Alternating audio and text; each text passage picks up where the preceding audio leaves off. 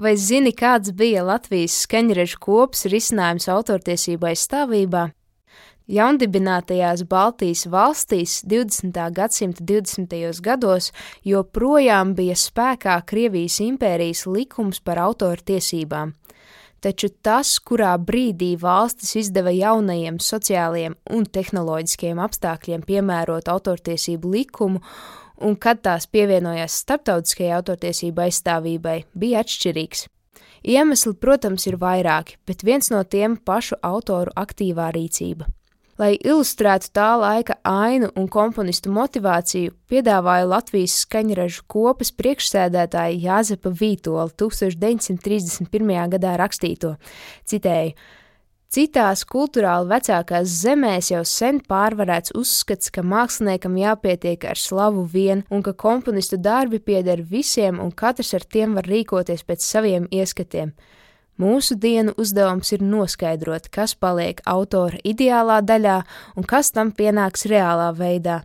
Atsvabiniet komponistus no šaubīgās sajūtas, ka tie saņem tikai goda dāvanas.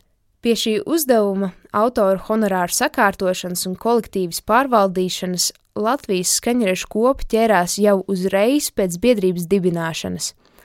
1924. gadā komponisti vienojās par pirmo kopīgo skaņdarbu honorāru tarifu, kurā atlīdzības apmēru noteica nevis procents no biļešu ienākumiem, koncertvietas platības vai kāds cits parametrs, bet gan iedalījums pēc skaņdarbu žanriem – Piemēram, par dziesmas izpildīšanu sākotnēji bija jāmaksā 50 centīmi, bet vislielākais honorārs 60 latu bija jāmaksā par simfonijas atskaņošanu.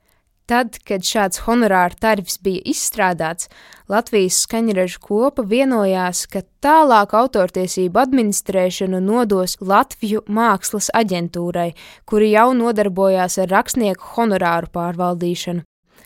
Tomēr sešu gadu laikā komponistu neapmierinātība ar sadarbību pieauga un līgumu tomēr lauza. Latvijas skaņražu kopa nolēma, ka turpmāk pati uzņemsies savu biedru autoru mantisko tiesību kolektīvo pārvaldīšanu.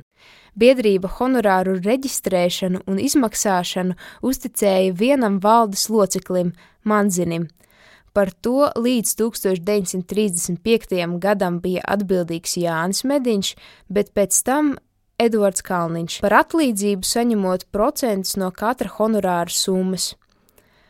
No 1936. gada Latvijas skaņrežu kopa pati autoru honorārus iekasēja no radiofona, bet no dažādām organizācijām un izpildītājiem honorārus administrēt uzticēja Latviešu dziesmu svētku biedrības pārstāvim Jānim Kuplim. Laika gaitā biedrība vienojās arī par dažādiem honorāru minimumiem, piemēram, par nošu izdošanu un reproducēšanu, kā arī skaņdarbu ierakstīšanu skaņu platēs. Uzlabojumu ieviešana autortiesību administrēšanā bija ļoti lēna, bet neatlaidīga nenogurstošā autortiesību jautājumu aktualizēšana un gadiem ilgā darbība autortiesību aizstāvībā noteikti vērtējami kā viens no iemesliem, kas veicināja Latvijas pievienošanos starptautiskajai Bernes konvencijai par literatūras un mākslas darbu aizsardzību, kā arī Nacionāla autortiesību likuma pieņemšanu 1937. gadā.